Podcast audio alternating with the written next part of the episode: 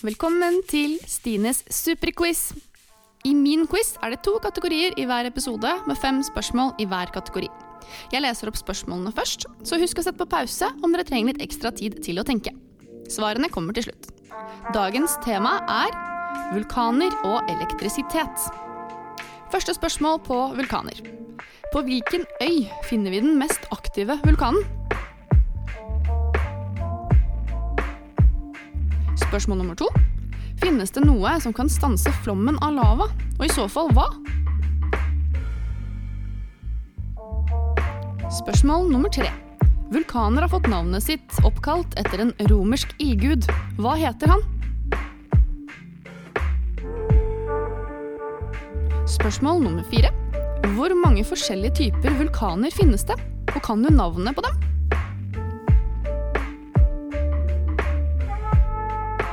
Spørsmål nummer fem. Den første egentlige beskrivelsen av et vulkanutbrudd ble gitt av Pil Plinius den yngre. Hvilket utbrudd snakket han om? Så går vi over til elektrisitet. Spørsmål nummer én.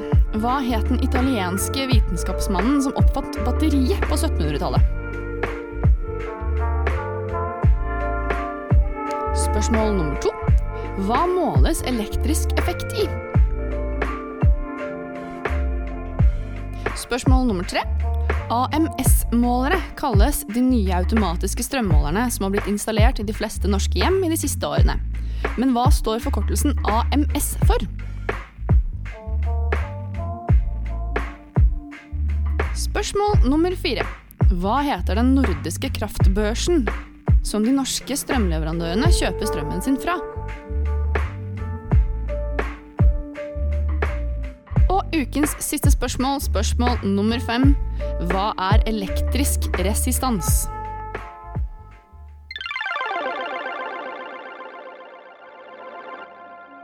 Så går vi over til svarene på denne ukens quiz.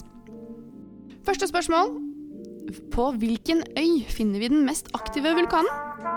Riktig svar er den finner vi på Hawaii. Navnet på vulkanen er Kilauea. Spørsmål nummer to.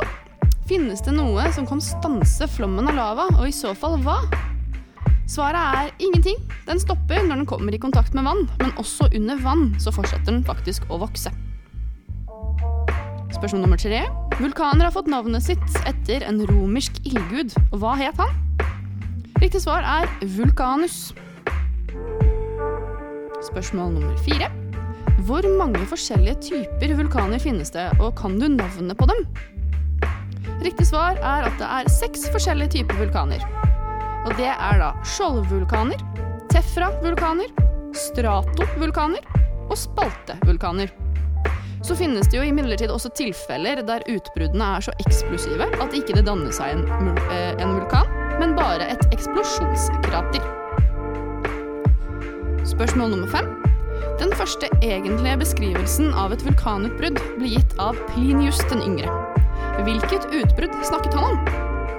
Riktig svar er Vesuvs utbrudd i år 79, da bl.a. byene Pompeii og Herculaneum ble ødelagt. Så går vi over til svar på elektrisitet med spørsmål nummer én. Hva het den italienske vitenskapsmannen som oppfant batteriet på 1700-tallet? Riktig svar er Alessandro Volta. Spørsmål nummer to. Hva måles elektrisk effekt i?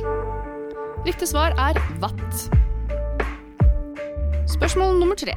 AMS-målere kalles de nye automatiske strømmålerne som har blitt installert i de fleste norske hjem i de siste årene. Men hva står forkortelsen AMS for? Riktig svar er avanserte måle- og styringssystemer. Spørsmål nummer fire. Hva heter den nordiske kraftbørsen som de norske strømleverandørene kjøper strømmen sin fra? Riktig svar er Nordpool AS. Og ukens siste spørsmål og siste svar hva er elektrisk resistans? Med svaret Elektrisk resistans eller elektrisk motstand er et fysisk fenomen som uttrykker at det koster energi å transportere elektriske ladninger.